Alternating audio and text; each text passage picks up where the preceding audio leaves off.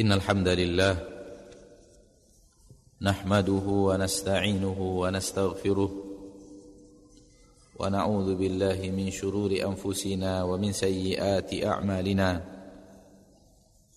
من يهده الله فلا مضل له ومن يضلل فلا هادي له. أشهد أن لا إله إلا الله وحده لا شريك له.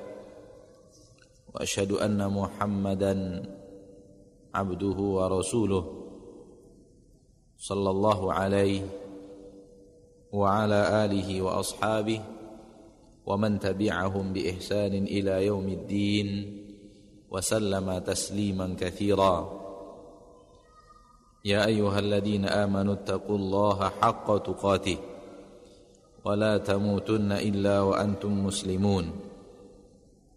يا أيها الناس اتقوا ربكم الذي خلقكم من نفس واحدة وخلق منها زوجها وبث منهما رجالا كثيرا ونساء واتقوا الله الذي تساءلون به والأرحام إن الله كان عليكم رقيبا يا أيها الذين آمنوا اتقوا الله وقولوا قولا سديدا يصلح لكم أعمالكم ويغفر لكم ذنوبكم ومن يطع الله ورسوله فقد فاز فوزا عظيما. أما بعد فإن أصدق الحديث كتاب الله وخير الهدي هدي محمد صلى الله عليه وسلم وشر الأمور محدثاتها فإن كل محدثة بدعة. وكل بدعة ضلالة وكل ضلالة في النار معاشر المسلمين والمسلمات رحمني ورحمكم الله Alhamdulillah atas segala rahmat dan nikmat yang diberikan Allah Subhanahu wa taala Rabbul Izzati wal Jalalah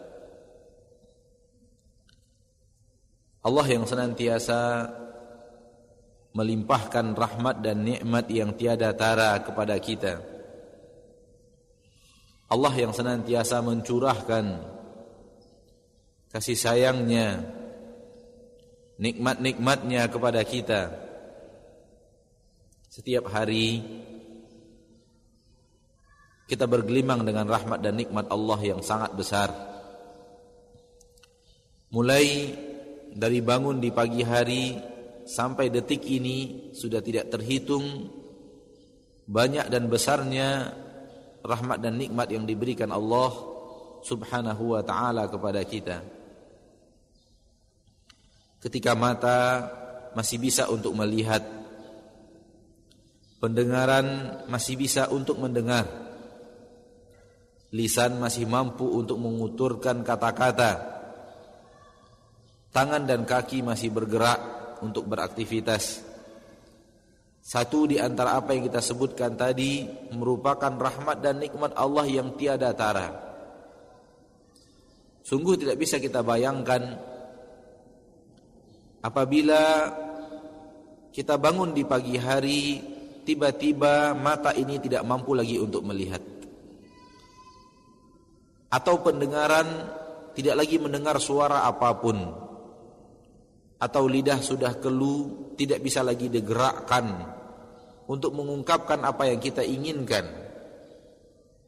Atau tangan sudah tidak bisa lagi untuk digerakkan mengambil sesuatu atau kaki yang tidak mungkin lagi untuk menopang bobot badan.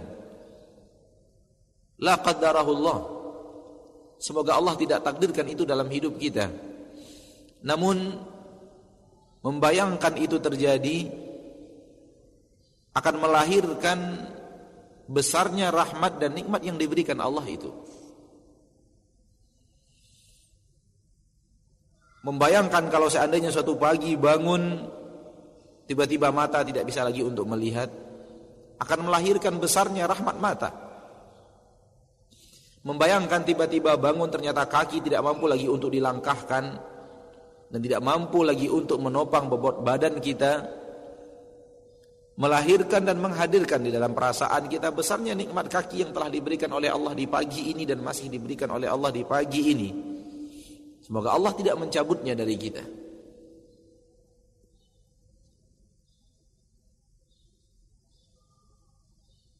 Maka manusia dengan segala aktivitas yang dilakukan di permukaan bumi Tidak mungkin dia bisa lakukan aktivitas itu Kalau dia tidak menggunakan rahmat dan nikmat dari Rabbnya yang tiada tara Anda yang berprofesi sebagai guru, dosen dan yang lainnya, Anda bisa menjalankan kehidupan itu karena Allah berikan kita lisan. Seandainya seorang guru sudah kehilangan lisan, maka dia akan kehilangan segala-galanya.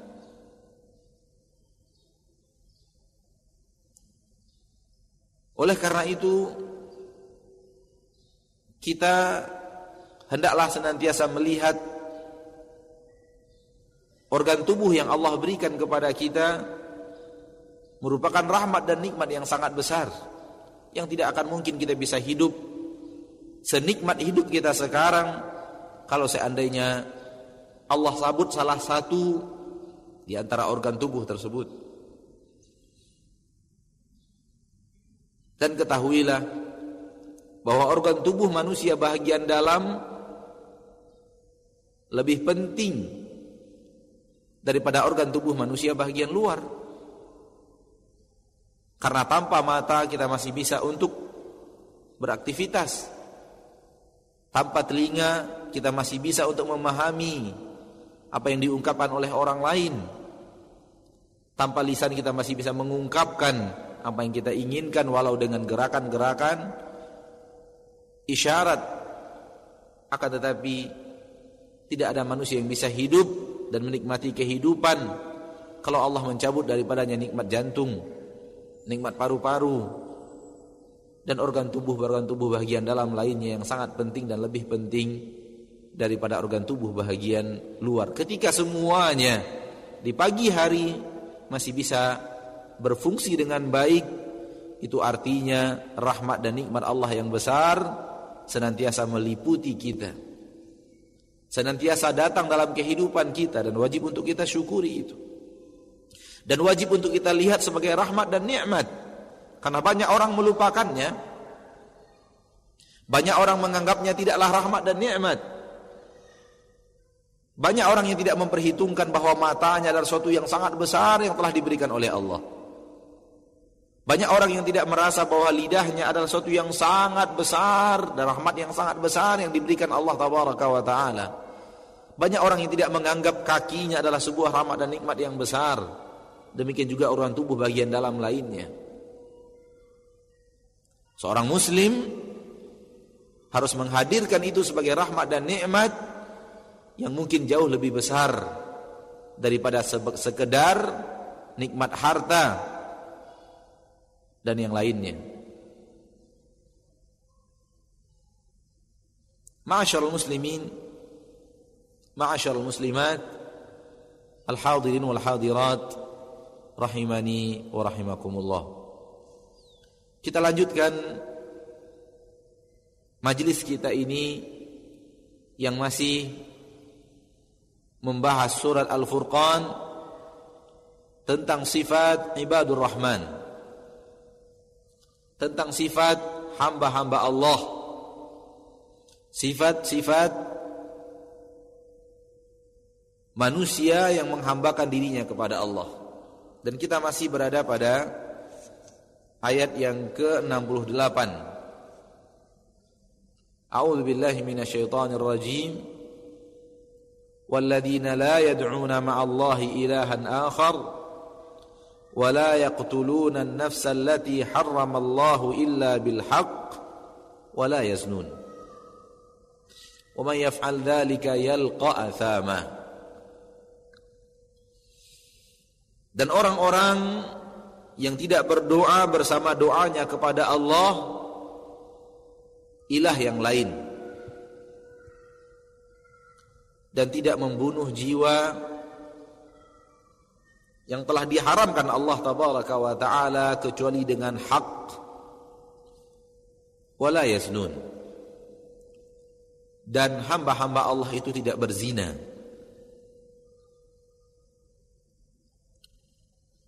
Syirik telah kita bahas dalam satu majelis dan kemudian membunuh pun telah kita bahas pada pertemuan kita yang terakhir di satu majelis.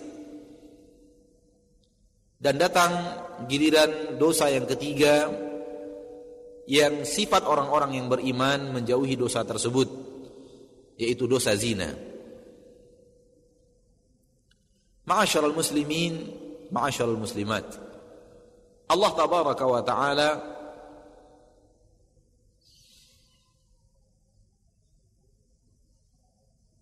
menyebut tiga dosa ini beriringan di dalam surat Al-Furqan Karena ini di antara atau bahkan dosa-dosa yang terbesar yang ada dalam agama kita. Yang merusak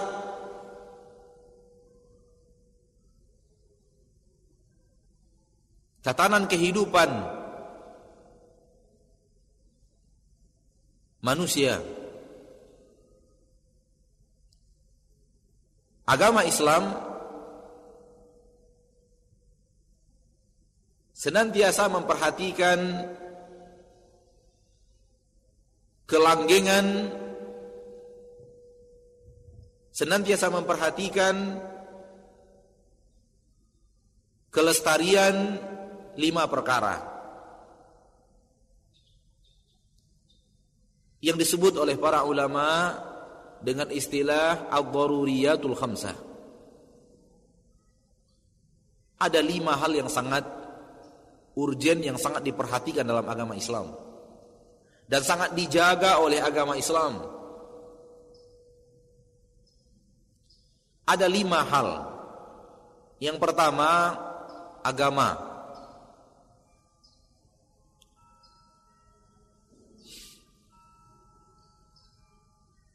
Agama Islam di dalam syariatnya bertujuan untuk menjaga agama di permukaan bumi agar tidak dirusak agar tidak dihancurkan. Menjaga kestabilan agama tersebut dan kelestarian agama tersebut dua Agama Islam menjaga dan memperhatikan nasab keturunan.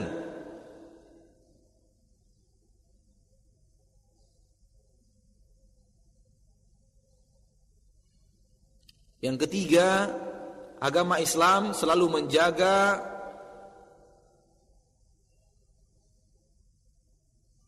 nyawa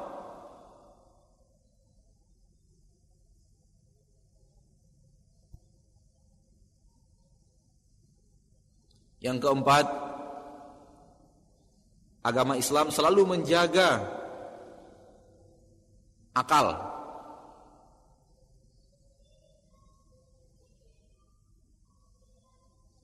Dan agama Islam yang kelima selalu menjaga harta.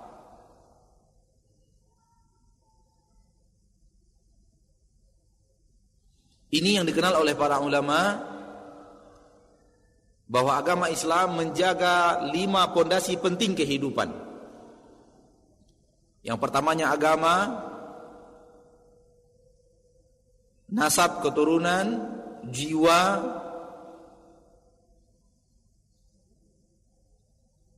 akal dan harta. Islam datang untuk menjaga lima perkara ini agar tidak dirusak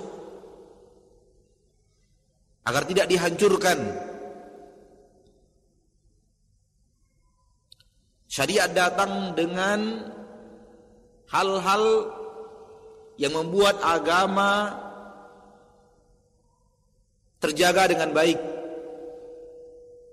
dan hal yang paling menghancurkan agama di permukaan bumi adalah syirik.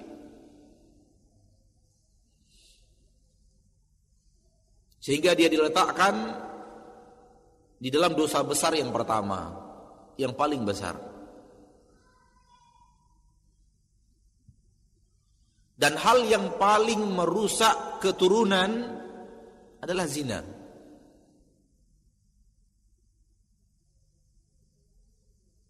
Dan hal yang paling merusak jiwa, nyawa manusia adalah pembunuhan.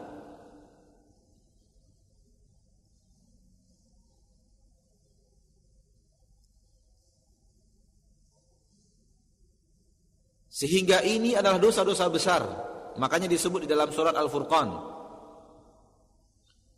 Sementara hal yang paling merusak akal adalah khamar.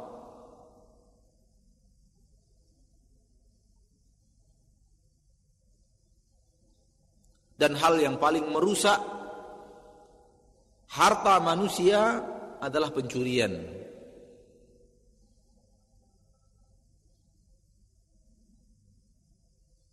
Dan semua itu diganjar dengan ganjaran-ganjaran berat dalam agama Islam. Pencuri dipotong tangannya, peminum khamar didera, dipecut.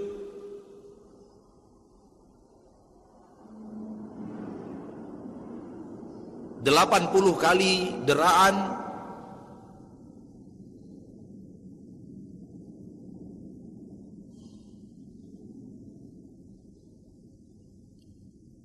Pembunuh dikisas pezina dirajam pelaku syirik dikeluarkan dari agama Islam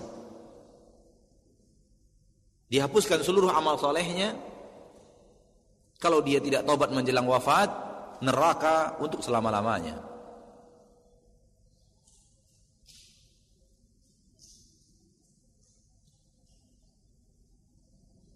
Lihatlah bagaimana Islam menerapkan peraturan-peraturan penting ini semua untuk kemaslahatan kehidupan manusia. Manusia membutuhkan keamanan nyawanya, hartanya, keturunannya, dan akalnya. Maka dosa-dosa yang merusak, aktivitas-aktivitas yang merusak semua ini diletakkan oleh Allah sebagai dosa-dosa besar. Dalam syariat Islam yang sangat mulia ini.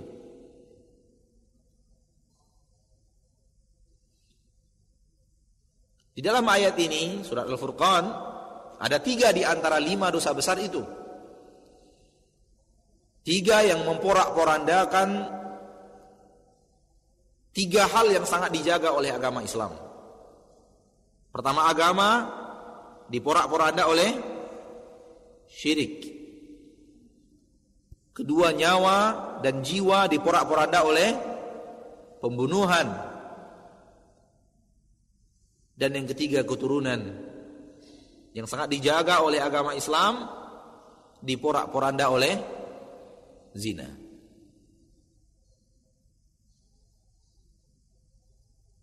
Maka sifat ibadur rahman bukan hanya menjauhi tiga dosa ini tapi juga menjauhi dosa-dosa yang lain akan tetapi disebutkan oleh Allah tiga ini karena ini di antara dosa-dosa yang paling parah di dalam agama Islam.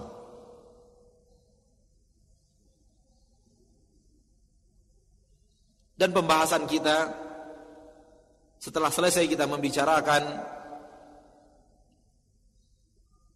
dosa syirik, telah selesai pula kita membicarakan dosa membunuh kesempatan kali ini kita berbicara tentang dosa zina. Ma'asyarul muslimin, ma'asyarul muslimat, rahimani wa rahimakumullah. Allah tabaraka wa ta'ala yang memiliki hikmah yang luar biasa yang memiliki maksud dan tujuan yang luar biasa telah mentakdirkan makhluk-makhluknya diciptakan berpasangan dan telah diberikan kecondongan untuk saling memiliki pasangan.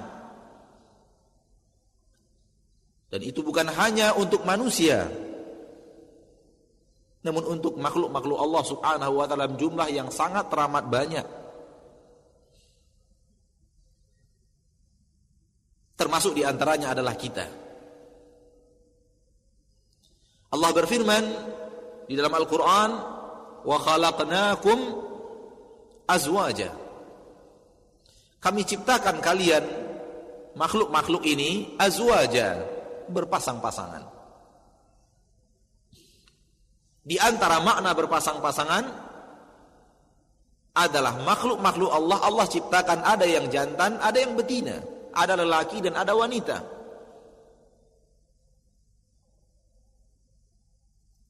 Lalu kemudian diberikan kecondongan kepada pasangannya. Dalam Al-Quran Allah berfirman dalam surah Ali Imran ayat 14 Zuyyina linnas hubbus syahawat minan nisa. Telah dihiaskan kepada manusia kecintaan syahwatnya kepada wanita. Kita tahu syariat banyak berdiskusi dengan kaum laki-laki. Di antaranya ayat ini. Hai kaum laki-laki, kalian telah diberikan hubbu syahawat kepada kaum wanita. Menunjukkan bahwa pasangan laki-laki adalah wanita dan di dalam jiwa laki-laki itu telah diberikan kecintaan menyukai kaum wanita. Demikian juga sebaliknya. Kalau ini dibicarakan kepada kaum wanita wahai kaum wanita kalian memiliki pasangan hidup kaum laki-laki dan telah diberikan oleh Allah tabaraka wa taala kecintaan kepada pasangan itu.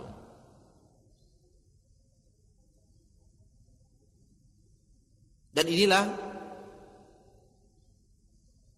ciptaan Allah dan keinginan Allah untuk terwujudnya kesinambungan makhluk. Di atas dasar inilah Allah Subhanahu wa taala menciptakan seluruh manusia. Di awal surat An-Nisa Allah katakan Ya ayuhan nasu taqu rabbakumul ladzi khalaqakum min nafsin wahidah. Hai manusia, bertakwalah kepada Rabb kalian yang menciptakan kalian dari satu jiwa saja. Awalnya kalian ini adalah satu jiwa saja. Dan satu jiwa maksudnya adalah Nabi Adam alaihi salam. Namun satu jiwa tidak melahirkan keturunan. Lalu Allah katakan wa khalaqa minha zaujaha. Lalu Allah ciptakan pasangannya. Dan pasangan yang dimaksud adalah Hawa.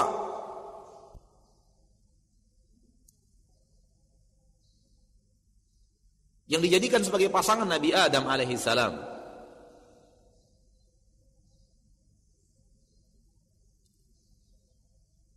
Hawa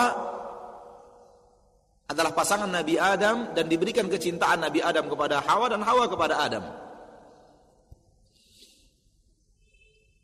Oleh karena itu dalam sebahagian obrolan manusia, kaum laki-laki disebut Bani Adam dan kaum perempuan disebut Banati Hawa.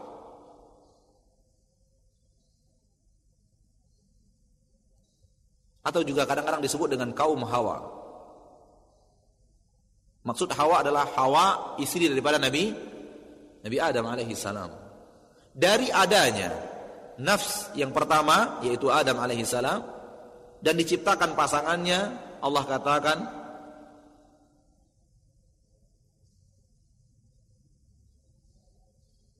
Ya ayuhan nasu taqu rabbakum alladhi khalaqakum min nafsin wahidah wa khalaqa minha zawjaha wa batha minhuma rijalan katsiran wa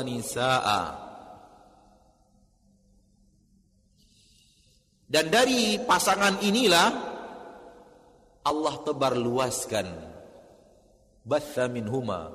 Allah sebarkan. Allah tebarkan. Allah perbanyak. Di permukaan bumi rijala. Lelaki yang sangat banyak nisaa.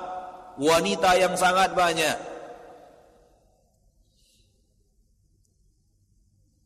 Dari adanya kehidupan yang berpasang-pasangan maka terlahirlah kehidupan generasi berikutnya. Dan apabila kita mencermati ini tidak hanya untuk manusia tapi ini dimiliki oleh makhluk Allah dalam jumlah yang sangat banyak. Bahkan pepohonan pun memiliki hal yang sama.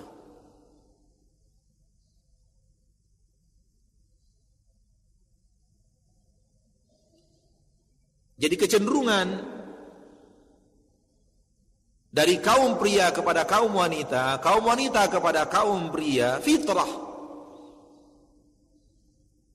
yang telah Allah letakkan di dalam ciptaannya.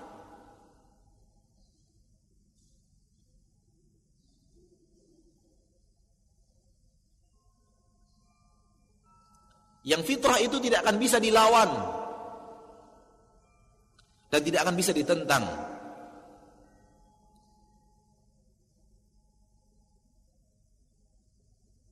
Oleh karena itu datang syariat yang menyalurkan fitrah itu dan bukan melawannya dan bukan menentangnya. Datang syariat Allah yang mulia setelah hikmahnya yang luar biasa dalam penciptaan syariat nikah.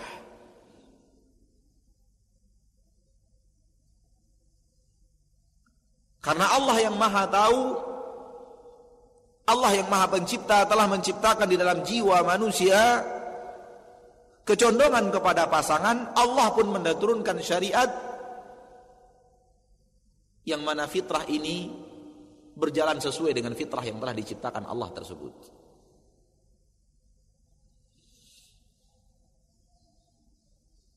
Oleh karena itu agama Islam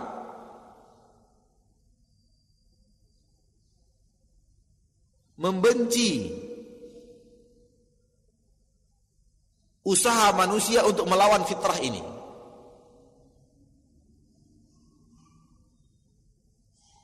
Sebahagian manusia melawan fitrah berpasang-pasangan ini. Bagi mereka manusia suci tidak boleh mendekati pasangannya. Maka yang laki-laki tidak boleh menikah dan wanita tidak boleh juga menikah. Inilah yang di dalam agama Islam dikenal dengan rahbaniyah, kependetaan yang disebut di dalam surah Al-Hadid. Wa rahbaniyatan ibtada'uha ma katabnaha 'alaihim. Dan kependetaan yang telah mereka buat-buat sendiri hukumnya yang tidak pernah kami wajibkan kepada mereka. Disebutkan bahwa umat Nabi Isa alaihi salam penerus mengarang-ngarang hukum kependetaan. Apa itu hukum kependetaan? Bahwa manusia suci yang ingin menjadi manusia suci tidak boleh memiliki pasangan hidup, harus melajang dan membujang. Tidak boleh menyalurkan fitrahnya. Maka ini dibenci dalam syariat Islam. Karena syariat Islam syariat yang sesuai dengan fitrah. Allah menurunkan syariat, pengaturan hukum yang sesuai dengan makhluk ciptaannya.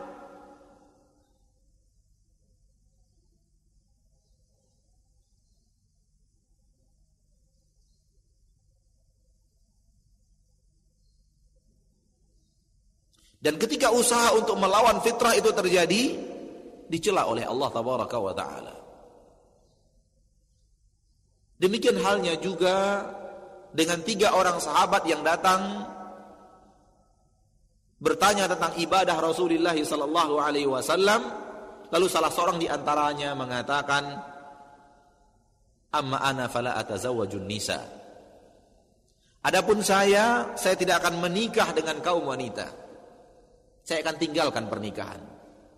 Maksud meninggalkan pernikahan bukan sekedar tidak menikah, tapi maksud meninggalkan pernikahannya supaya dia memiliki waktu yang lapang untuk beribadah kepada Allah.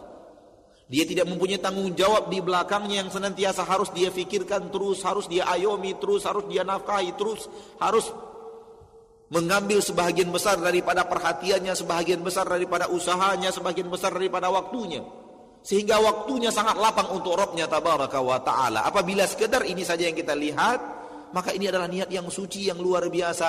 Apakah disenangi oleh agama Islam? Jawabannya tidak. Nabi SAW mengatakan, wa atazawajun nisa. Saya menikahi kaum wanita. Agama ini sesuai dengan fitrah. Faman raghiba an sunnati falaysa minni. Yang tidak suka sunnahku bukan umatku.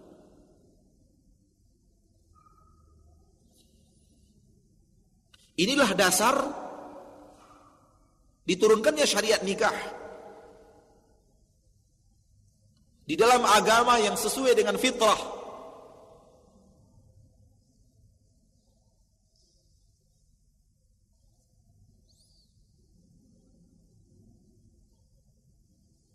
Dikarenakan Allah tabaraka wa taala telah memfitrahkan manusia di atas fitrah dan Allah turunkan syariat yang tidak bertolak belakang dengan fitrah tersebut. Maka fitrah itu wajib untuk disalurkan melalui jalur yang telah Allah sahkan. Bahkan Allah suruh.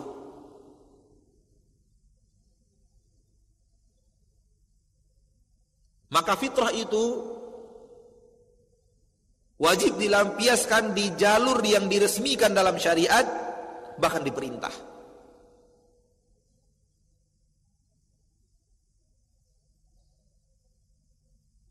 dan di dalam perintah penyaluran fitrah tersebut Allah letakkan pahala-pahala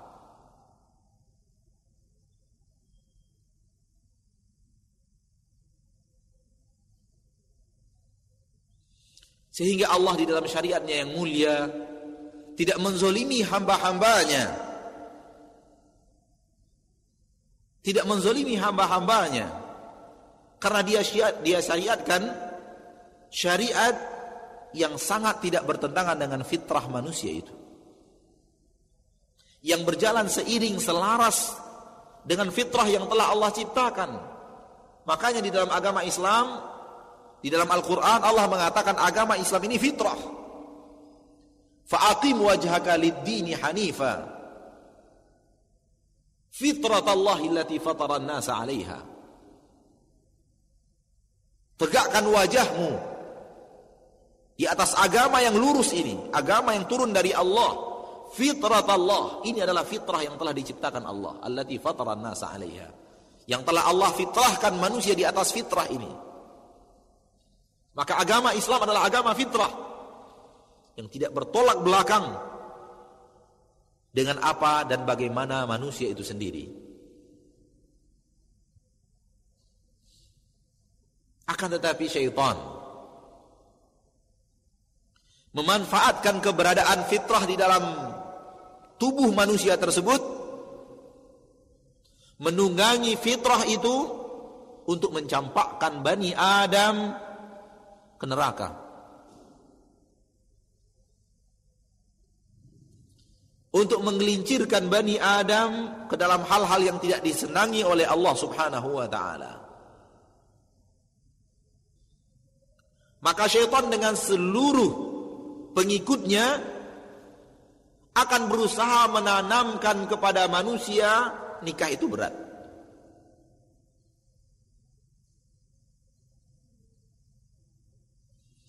Nikah itu berat. Nikah itu penuh dengan beban dan tanggung jawab. Nikah itu penuh dengan pertengkaran, perdebatan.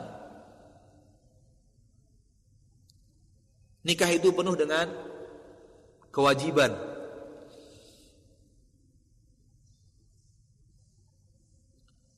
Sadar atau tidak sadar, percaya atau tidak percaya, ini dimasukkan ke dalam fikiran kaum muslimin.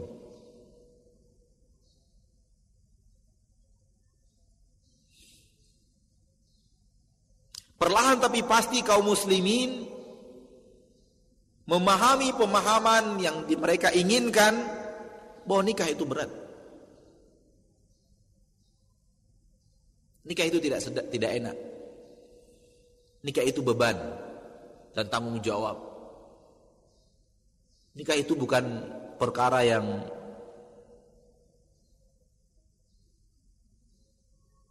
Padahal Allah mengatakan nikah itu ketenangan. Nikah itu cinta dan kasih sayang. Hal yang nikmat dan lezat. Allah mengatakan di dalam surat dalam Al-Qur'an surat Ar-Rum yang selalu kita lihat di dalam undangan-undangan pernikahan dituliskan maknanya wa min ayatihi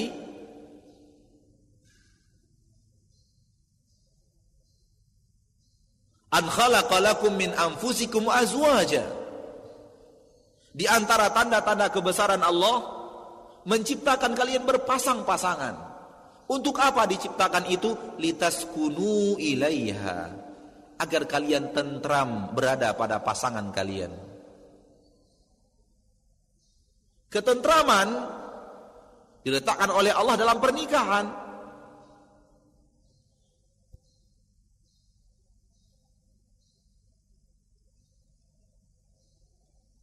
Sekedar itu saja tidak Lalu Allah katakan wa ja'ala bainakum mawaddata wa. Lalu Allah tumbuhkan di dalam hati kalian terhadap pasangan kalian cinta dan kasih sayang. Rahmat dan kecintaan. Inilah Allah yang mengetahui kita dan penciptaan kita. Mengetahui kita dan apa yang dibutuhkan oleh kita menciptakan jiwa kita dan mengetahui apa yang membuat ketenangan dan ketentraman jiwa itu. Dan ini yang diserang oleh orang-orang kufar.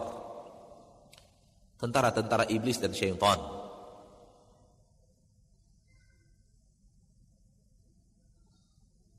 Sadar atau tidak sadar,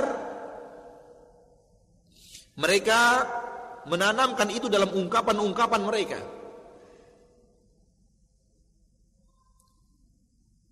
Lihatlah ketika mereka mengungkapkan seseorang yang memilih untuk menikah.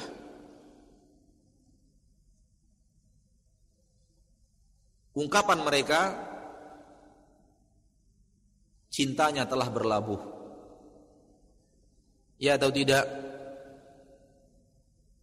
Ini adalah ungkapan halus yang menandakan bahwa apabila telah ada pernikahan tidak ada lagi yang namanya cinta. Cinta telah berlabuh.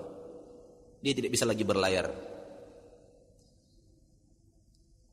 Yang ada setelah itu tanggung jawab. Adapun cinta berlayarnya sebelum pernikahan. Maka cinta itu berkelana ke sana dan kemari. Berjalan kian kemari, ke utara, ke selatan, ke barat. Ini dia perahu cinta sedang berlayar.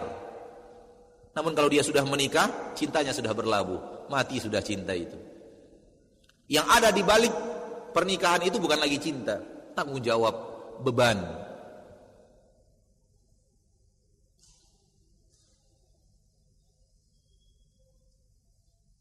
Perlahan tapi pasti masuk sehingga kaum muslimin lihatlah menunda pernikahan. Mengakhirkan pernikahan. Karena mulai tumbuh di dalam jiwa mereka bahwa pernikahan itu berat, nggak mudah, nggak gampang. Pernikahan itu rasanya hidup di dunia ini lebih nyaman kalau nggak ada yang nunggu kita di rumah, nggak ada yang nanya-nanyain ke mana kita pergi, nggak ada.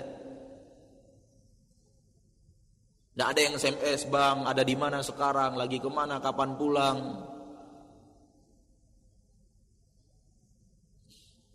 Mereka undur pernikahan. Apa yang terjadi setelah diundurnya pernikahan itu? Yang terjadi adalah tidak adanya tempat yang halal untuk melampiaskan fitrah. Sementara fitrah itu bergejolak Seurung dengan seiring dengan bertambahnya usia dan bertambah matangnya umur. Semua itu mereka lakukan untuk menjerat manusia lari kepada dosa zina.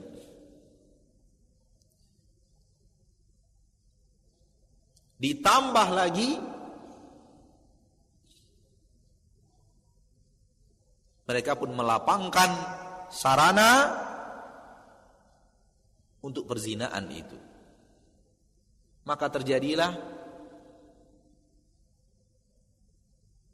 perzinaan dalam jumlah yang banyak dikarenakan banyaknya orang yang lari daripada pintu pernikahan.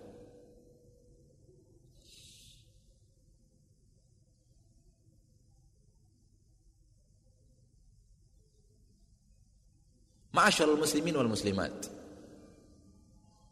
Akhirnya kehidupan manusia amburadul.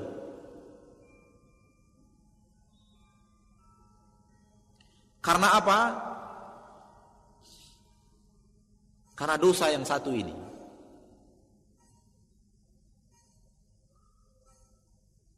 Dia merusak tatanan nasab manusia karena akan lahir orang-orang yang tidak memiliki keturunan yang sah.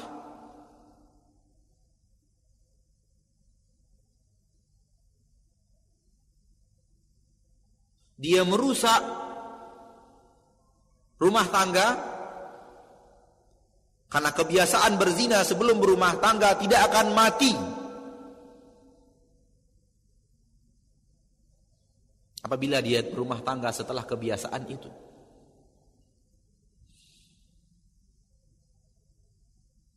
Dan semua kita tahu bagaimana bahaya perzinaan akan merusak pondasi rumah tangga kita. Sehingga rumah tangga hancur.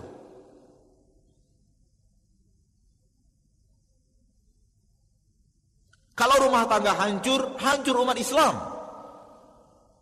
Karena kekuatan umat Islam itu dibangun di dalam rumah tangga.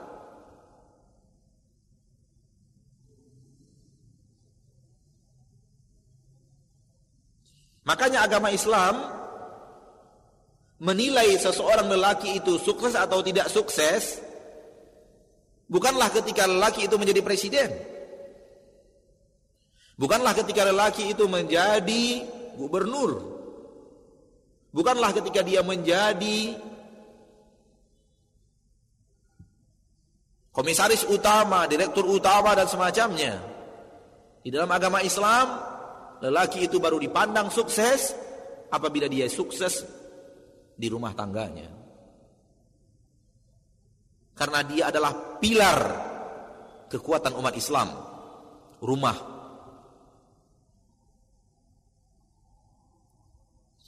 Oleh karena itu Nabi kita tercinta sallallahu alaihi wasallam menyuruh kaum laki-laki untuk lebih betah di rumah.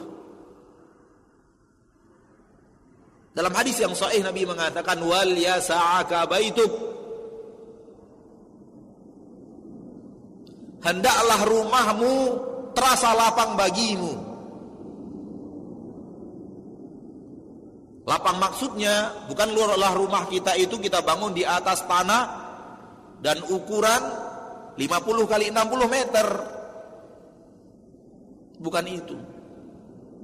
Akan tetapi rumah hendaklah menjadi tempat yang nyaman yang paling disukai oleh seorang suami dibanding tempat-tempat yang lain. Dia lebih tenang di rumah. Dia lebih senang berada di rumah jiwanya lebih betah di rumah, jiwanya lebih tenang di rumah.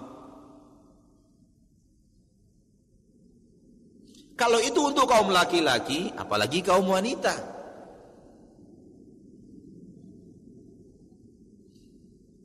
Lebih lagi, wanita itu disuruh untuk di rumah. Tidak hanya sekedar menyuruh wanita itu untuk merasa rumahnya lapang, bahkan wanita itu kata Allah, berdiamlah kalian di rumah kalian wahai kaum wanita. Dalam surat An-Nur Allah katakan wa qarna fi. Berdiam dirilah kalian di rumah kalian wahai kaum wanita. Kembali iblis dan bala tentaranya ingin membuat kaum laki-laki lebih betah di luar rumah dibanding di rumah. Sebagaimana mereka ingin selalu membuat kaum wanita keluar daripada harus tinggal di rumah. Semua itu untuk apa? Menjerat manusia kepada dosa zina. Apabila laki-laki telah lebih senang dia berada di rumah, di luar rumah dibanding di rumah. Apabila seorang wanita telah banyak di luar rumah dibanding di rumah, secara hukum umum manusia akan masuk ke dalam dosa zina. Jangan berkata tidak Ustadz, saya bekerja dari gadis sampai sekarang di luar rumah tidak ada zina. Boleh jadi ada satu dua orang yang selamat. Tapi hukum di dalam agama Islam tidak dilihat dari satu dan dua orang yang selamat. Tapi dilihat dari angka mayoritas.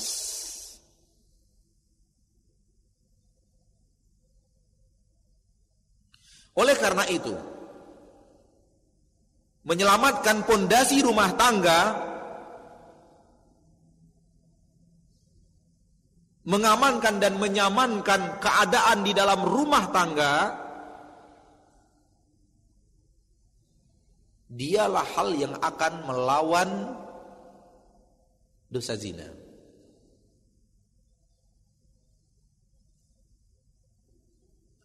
Kepada para suami diperintahkan untuk bertanggung jawab penuh memimpin rumah tangganya dan berbuat baik kepada keluarganya menjaga agama mereka menjaga akhlak mereka dan kepada istri juga diperintahkan untuk menciptakan kenyamanan itu di dalam rumah tangganya. Ketahuilah bahwa apabila suami sudah tidak betah di rumah itu sudah merupakan sebuah indikasi akan terjadinya hal yang akan merusak pilar rumah tangga ini.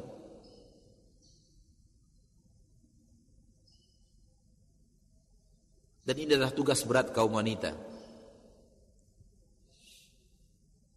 Sadar atau tidak sadar bagaimana dia menciptakan kenyamanan di rumah tangganya yang akan membuat suaminya betah di rumah.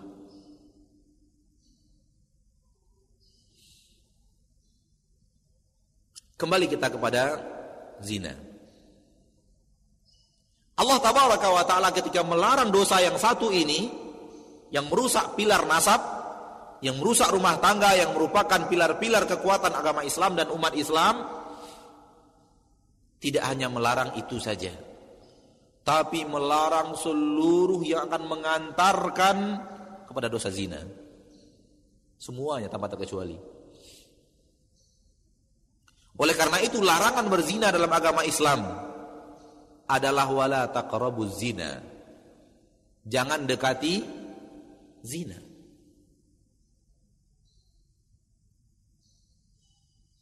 Bukan hanya sekedar berzinanya yang terlarang, apa pun hal yang akan mendekatkan kepada zina terlarang. Dengan firman Allah, wala taqrabu zina. Jangan dekati zina. Apa pun sarana menuju itu diharamkan oleh syariat dengan ayat ini.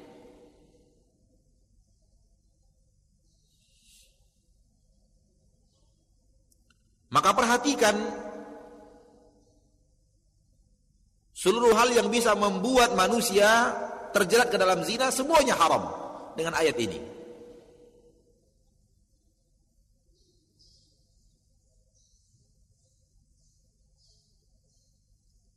Hal yang langkah pertama yang akan mendekatkan manusia kepada zina adalah pandangan mata. Maka pandangan mata pun diharamkan di dalam syariat.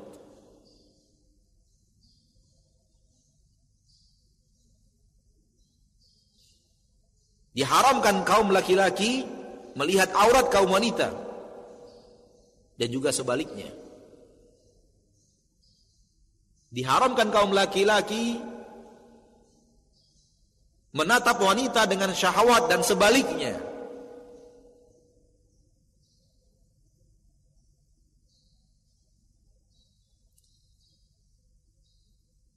Sebagaimana firman Allah tabaraka wa taala dalam surat An-Nur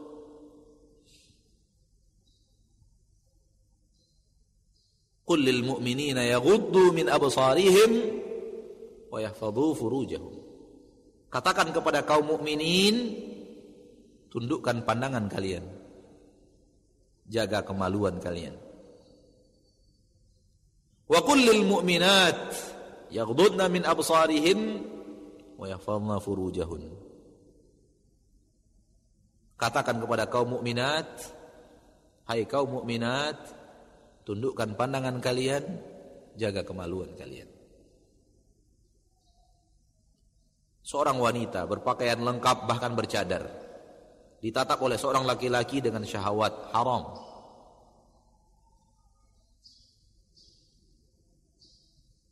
Dengan ayat ini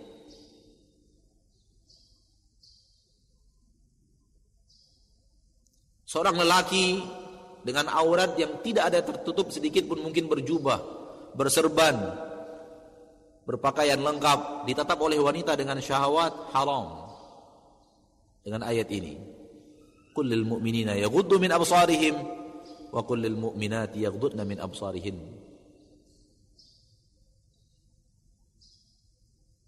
Kalau itu saja-saja haram, apatah lagi dengan membuka aurat apalagi dengan hal-hal yang akan mengundang syahwat dan seterusnya dan seterusnya. Maka dari mana adanya para dai dan mubalik yang berani mengatakan pacaran itu halal? Kalau saja menatap dalam agama kita diharamkan.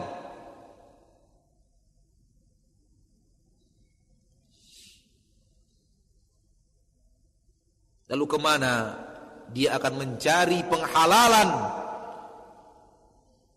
sesuatu yang telah memporak-porandakan kehidupan manusia di zaman kita sekarang.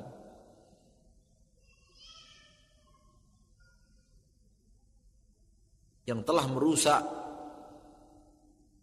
kehidupan manusia kaum muslimin baik yang belum berumah tangga ataupun yang sudah berumah tangga di zaman kita sekarang.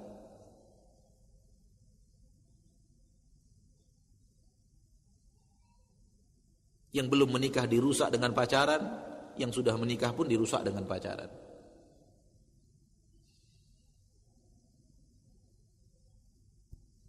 Bagaimana mereka bisa mengatakan itu halal? Na'udzubillah min dzalik.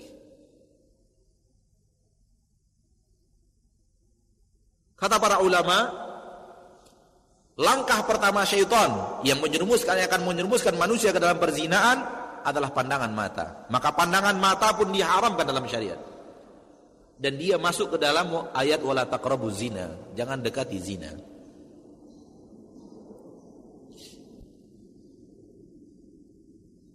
Dan lelaki wanita yang serius untuk menjaga kemuliaan dirinya daripada perzinaan, dia harus serius menjaga pandangan matanya.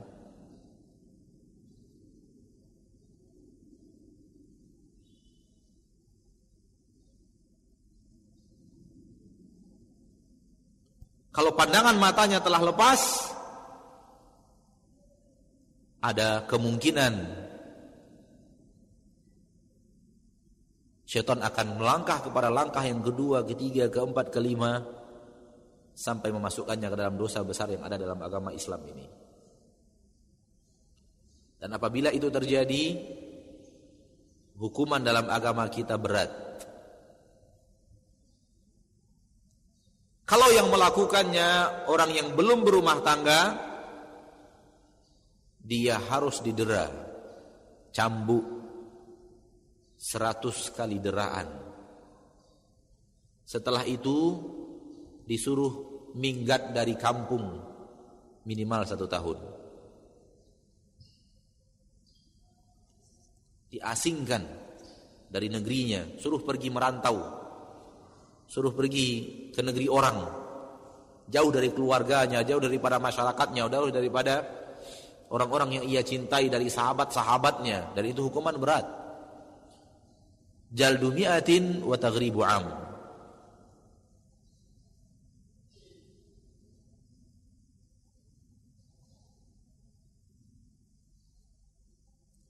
Dan apabila itu terjadi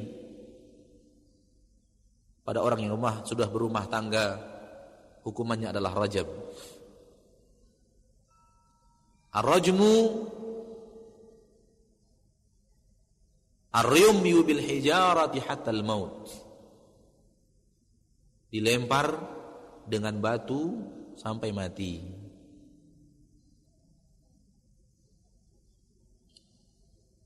Hukuman berat ini diterapkan di dalam syariat Islam untuk menjaga kelestarian nasab untuk menjaga kelestarian rumah tangga untuk menjaga kelestarian kenyamanan hidup dan kebersihan nasab manusia. Dan menentang hukum ini akan merusak sendi-sendi kehidupan rumah tangga dan nasab. Makanya negara-negara yang tidak peduli dengan hukum ini bisa kita lihat termasuk di negeri kita ini. Bagaimana rumah tangga yang telah banyak rusak, bagaimana nasab yang telah banyak rusak, bagaimana kehancuran melanda banyak rumah tangga disebabkan hal tersebut. Namun apabila hukum Islam ditegakkan, syariat Allah tabaraka wa taala dikibarkan akan terjadi kenikmatan di dalam kehidupan, kelestarian di dalam nasab dan kenyamanan di rumah tangga. Hal yang paling banyak dikeluhkan oleh kaum wanita adalah orang ketiga.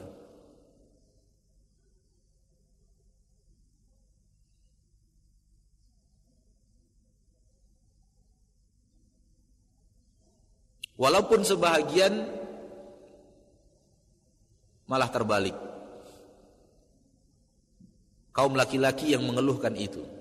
Namun intinya adalah Inilah dosa yang banyak memporak-porandakan kehidupan di rumah tangga.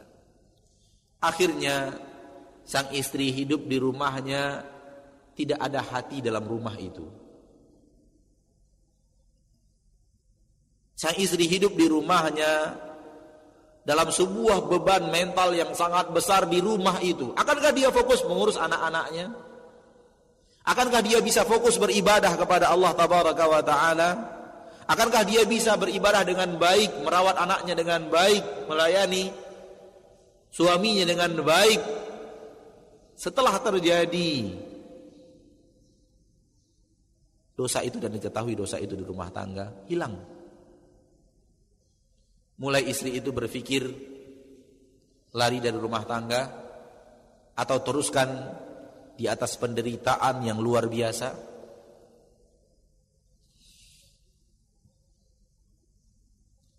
Ada keinginan untuk keluar dari jalur rumah tangga bercerai. Namun ditakut-takuti lagi oleh bisakah saya nanti dapat penggantinya yang lebih baik? Apakah ini tidak membuat citra saya menjadi buruk di tetangga, masyarakat? Bagaimana dengan nasib anak-anak saya ke depan? Akhirnya maju kena, mundur kena. Dan tidak jarang orang akhirnya hidup pasrah, menyerah kalah, terjadilah apa yang akan terjadi. Tidak ada rasa nikmat hidup di rumah tangga yang telah hancur dengan terjadinya perzinahan ini bagaimanapun mereka untuk merakitnya kembali dan merajutnya lebih baik dia tidak akan pernah sebaik sedia kala oleh karena itu bagaimana Islam memperhatikan hal ini? Sedini mungkin. Dengan mempermudah pernikahan. Mempermudah pernikahan. Agama Islam mempermudah pernikahan. Supaya jauh umat Islam dari perzinahan Kata Nabi tentang mahar afdalul muhuri aisaruha, mahar yang paling afdal yang paling ringan. Yang paling enggak mahal, yang paling mudah. Ini mahar yang paling afdal. Alhamdulillah kalau itu di negeri kita ada. Mahar di negeri kita enggak mahal-mahal, seperangkat alat sholat. Ya, 150 ribu Dua Mempermudah Resepsi pernikahan. Nabi SAW mengatakan Aulim walau bisa. Lakukan walimah Walau hanya menyembelih seekor kambing. Seekor kambing harganya cuma satu juta. Berarti walimah bisa dengan satu juta, dua juta Dengan lauk pauk yang lain Selesai walimahan. Tidak perlu berat-berat. Kalau itu ditanyakan di negeri kita sekarang, sudah keluar jalur. Memang mahar di negeri kita murah, tapi pernikahan, walimah di negeri kita rumit. Kalau 2 juta Ustadz, untuk sewa tenda aja nggak cukup. Baru sewa tenda nggak cukup. Itu baru tenda tanpa kursi Ustadz. Dimewah-mewahkan. Harus seperti ini pola pernikahannya, harus ada ini, harus lengkap dengan ini dan segala macam. Akhirnya yang mampu alhamdulillah, yang tidak mampu yang rumit. Pinjam sana, pinjam sini. Tidak juga tidak jarang orang sampai pinjam ke tempat-tempat rentenir. Akhirnya setelah pernikahan sibuk mikirin utang. Rusak rumah tangga setelah pernikahan karena mikirkan utang. Nah, maka Islam tidak. Bahkan Nabi SAW berwalimah dengan hanya buah kurma. Tamu-tamunya diundang, sampai di rumah dikasih buah kurma, pulang. Itulah walimah Nabi kita tercinta SAW. Walimah apa adanya. Seberapa ada, seberapa mampu, seberapa kuat, seberapa dimudahkan oleh Allah Subhanahu wa taala.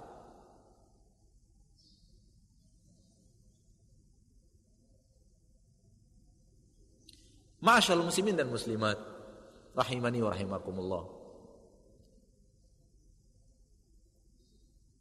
Termasuk juga jebakan syaitan adalah mempersulit mahar dan mempersulit walimah. Supaya lengkap beban beratnya pernikahan di dalam jiwa manusia. Di sebagian negeri itu mahar itu enggak tanggung-tanggung. Di sebagian negeri dan itu terkenal di beberapa kawasan di belahan bumi ini. Mahar di negeri mereka tinggi luar biasa. Sehingga lelaki itu harus memang harus untuk mahar itu berhutang kiri dan kanan, kecuali dia mempunyai ayah yang konglomerat dan yang lainnya. Sehingga terjadinya penguluran pernikahan karena untuk mengumpulkan biaya untuk pernikahan. Dan yang lainnya didera oleh resepsi pernikahan yang harus mahal. Padahal dalam agama Islam tidak dimudahkan semudah-mudahnya.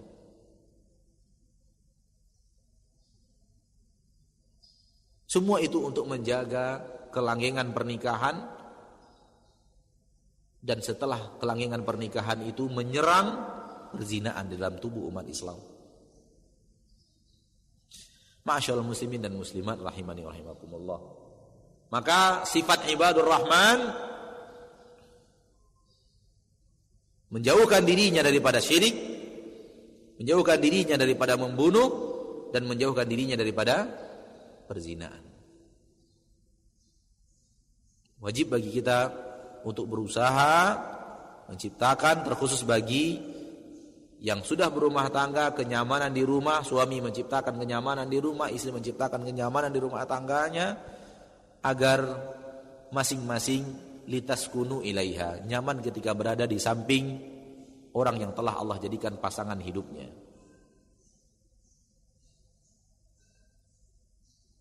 Dan bagi yang belum menikah, kalau dia khawatir akan jatuh dalam perzinaan, tinggalkan dunia, masuk dunia pernikahan.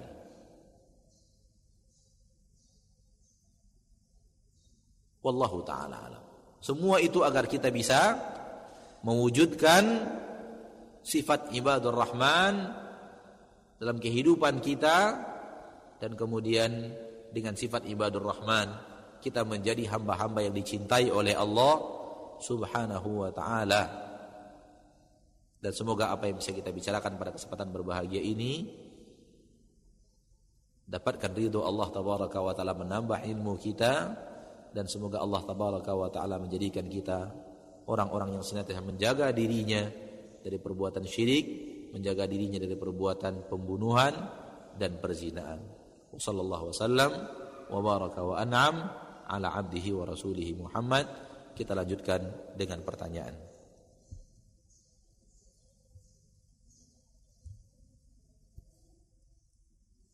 Pertanyaan pertama Mohon nasihatnya dan sarannya Pak Ustadz beberapa hari lagi adik kandung saya melangsungkan pernikahan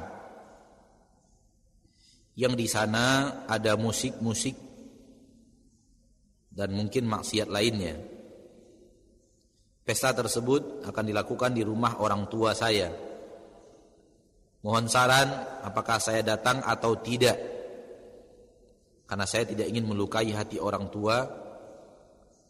Dan apa kata-kata yang harus saya katakan jika saya tidak datang?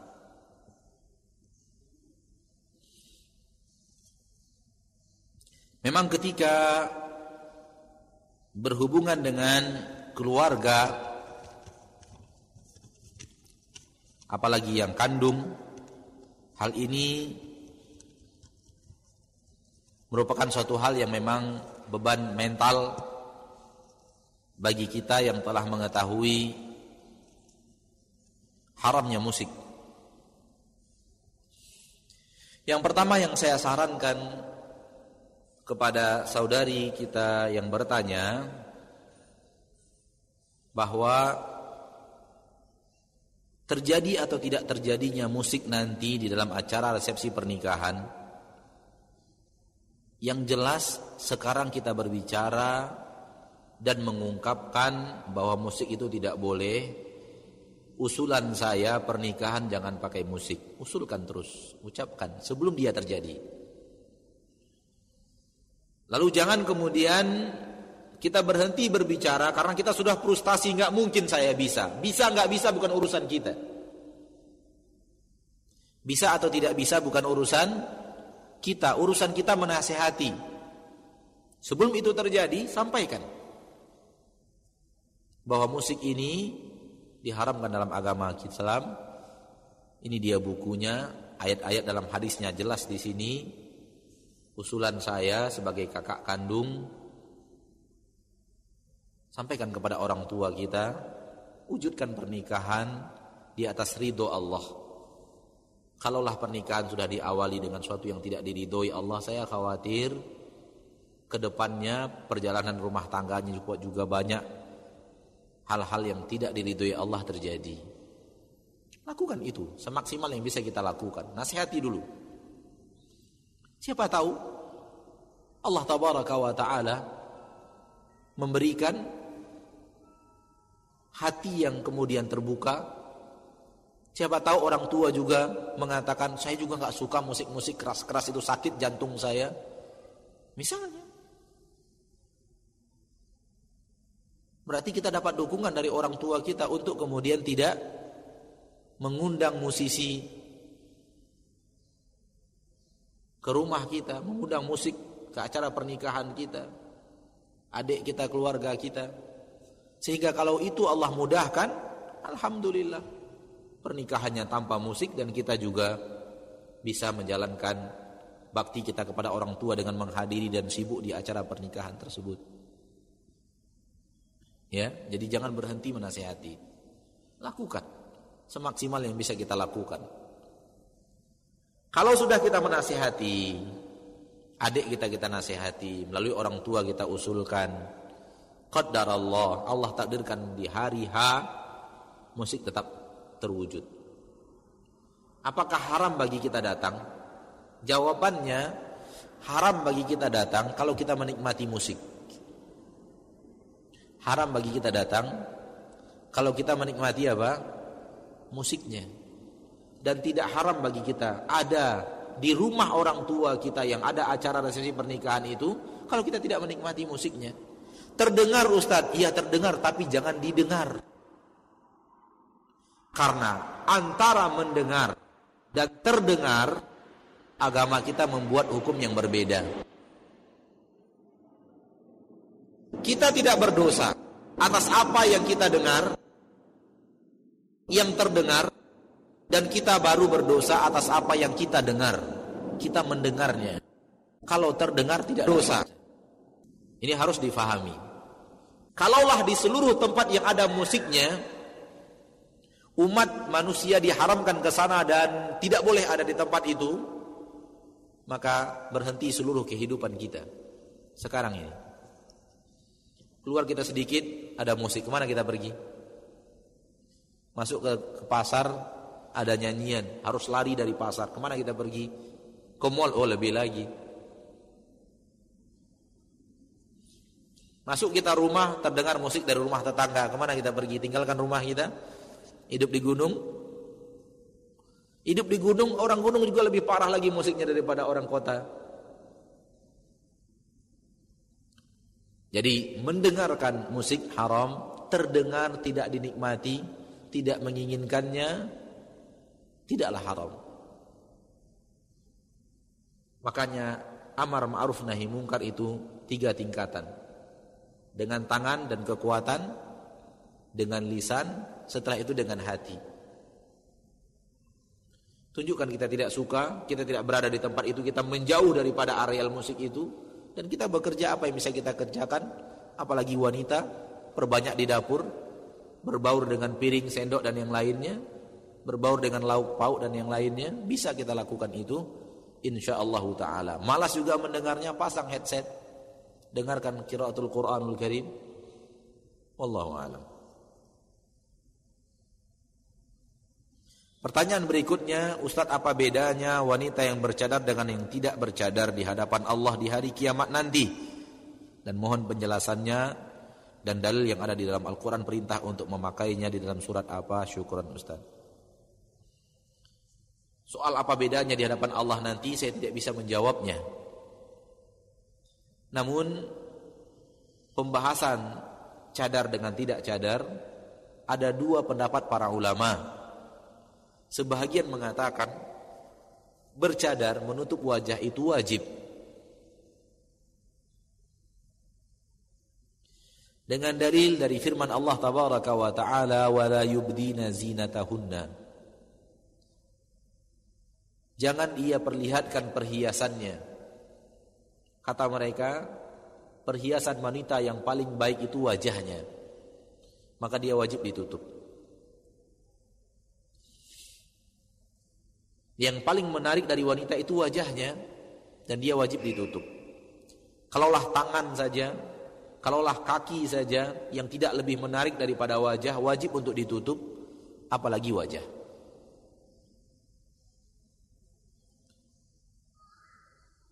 Dan mereka berdalil dengan hadis-hadis bahwa wanita di zaman Rasul memakai cadar. Sehingga ketika musim haji Nabi mengatakan kepada kaum wanita wala talbasul muhrimatu almar'atu an-niqaba wala qaffazain. Wanita yang berhaji, yang berihram tidak boleh dia memakai sarung tangan dan memakai cadar. Dan pendapat lain mengatakan cadar itu tidak wajib namun dia hanya sunnat afdol. Wallahu alam ini pendapat yang lebih kuat. Bahwa cadar di dalam agama kita syariat dan dia bukanlah hukumnya wajib namun afdol. Dengan dalil Wala yubdina zinatahunna. Bukanlah perhiasan maksudnya perhiasan namun pendapat yang paling kuat tentang makna wala yubdina zinatahunna adalah tempat-tempat perhiasan. Mawadhi'uz zina yang tidak boleh diperlihatkan itu bukan perhiasannya akan tetapi tempat-tempat perhiasannya di telinga, di leher, di lengan, di pergelangan kaki. Adapun wajah bukan tempat perhiasan. Kemudian berdalih dengan hadis-hadis yang di dalam hadis itu terlihat di zaman Rasul ada wanita yang tidak pakai cadar, terlihat wajahnya. Di musim haji seorang wanita Khaf'amiyah bertanya kepada Nabi SAW dan wanita itu dalam hadis disebutkan wajahnya cantik. Kemudian di belakang Nabi ada Fadl bin Abbas yang juga wajahnya tampan. Artinya terlihat wajah wanita itu. Kemudian ketika Bilal bin Rabah bersama Nabi SAW mengambil infak dan sodakah dari kaum wanita, Bilal mengatakan datang seorang wanita bermuka merah melihat apa yang ada di wajahnya menandakan ada wanita yang tidak memakai cadar di zaman Rasul kita tercinta sallallahu alaihi wasallam. Kalau itu adalah hal yang haram maka Nabi SAW akan tidak membiarkan haram ada di hadapan beliau. Maka cadar hukumnya wallahu taala alam yang lebih kuat adalah syariat Islam dianjurkan namun tidak diwajibkan. Tidak diwajibkan di dalam syariat. Yang melakukannya lebih afdal lebih baik. Di sisi Allah manusia akan dihisap sesuai dengan amalannya.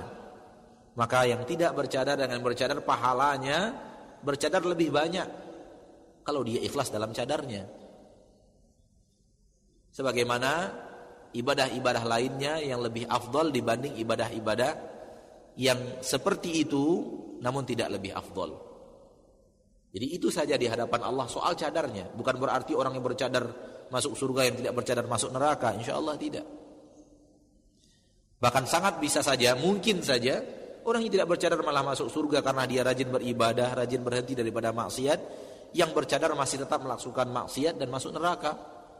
Itu tidak tertutup kemungkinan waliyadzubillah. Karena amalan masing-masing dan Allah lebih tahu tentang apa yang terjadi dalam hidup kita masing-masing. Zahir tidak menunjukkan dia lebih mulia di sisi Allah. Karena penilaian kemuliaan seorang di sisi Allah bukan zahir, dia bercadar atau tidak bercadar. Dia berjilbab panjang atau tidak berjilbab panjang. Allah mengatakan, "Inna akramakum indallahi atqakum." Yang paling mulia daripada kalian adalah yang paling bertakwa, yang paling sering menjalankan ibadah, hal-hal yang diperintahkan syariat dan yang paling sering meninggalkan yang diharamkan syariat. Itu dia takwa. Istinabul awa istinabul nawahi wa fi'lul awamir. Yang paling menjauhi larangan, yang paling berhenti daripada larangan dan paling mengamalkan yang diperintahkan. Itu yang paling takwa, itu yang paling dimuliakan Allah Subhanahu wa taala. Ini bercadar dan tidak bercadar bukanlah takaran kemuliaan di sisi Allah. Walaupun secara zahir ini lebih afdal dibanding ini. Ini lebih banyak pahalanya dibanding ini secara hukum zahir. Tapi di sisi Allah Subhanahu wa taala tidak hanya takarannya itu saja.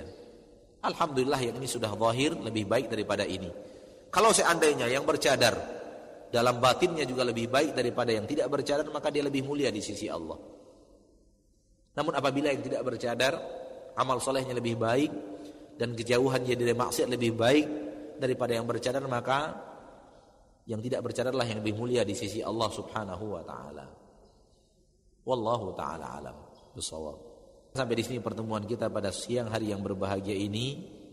Semoga Allah tabaraka wa taala Rabbul Izzati wal Jalalah wa Rabbul Jabarut wal Malakuti wal Kibriya wal Azamah menuntun kita untuk bisa mewujudkan hal-hal yang diridhoi Allah dan meninggalkan hal-hal yang dimurkai Allah Subhanahu wa taala dalam hidup kita sehingga di dunia kita diridhoi Allah di akhirat kita pun dimasukkan ke dalam surga Allah tabaraka wa taala kita akhiri subhanakallahumma wa bihamdik asyhadu an la ilaha illa anta astaghfiruka wa atubu ilaik walhamdulillahi rabbil alamin assalamu alaikum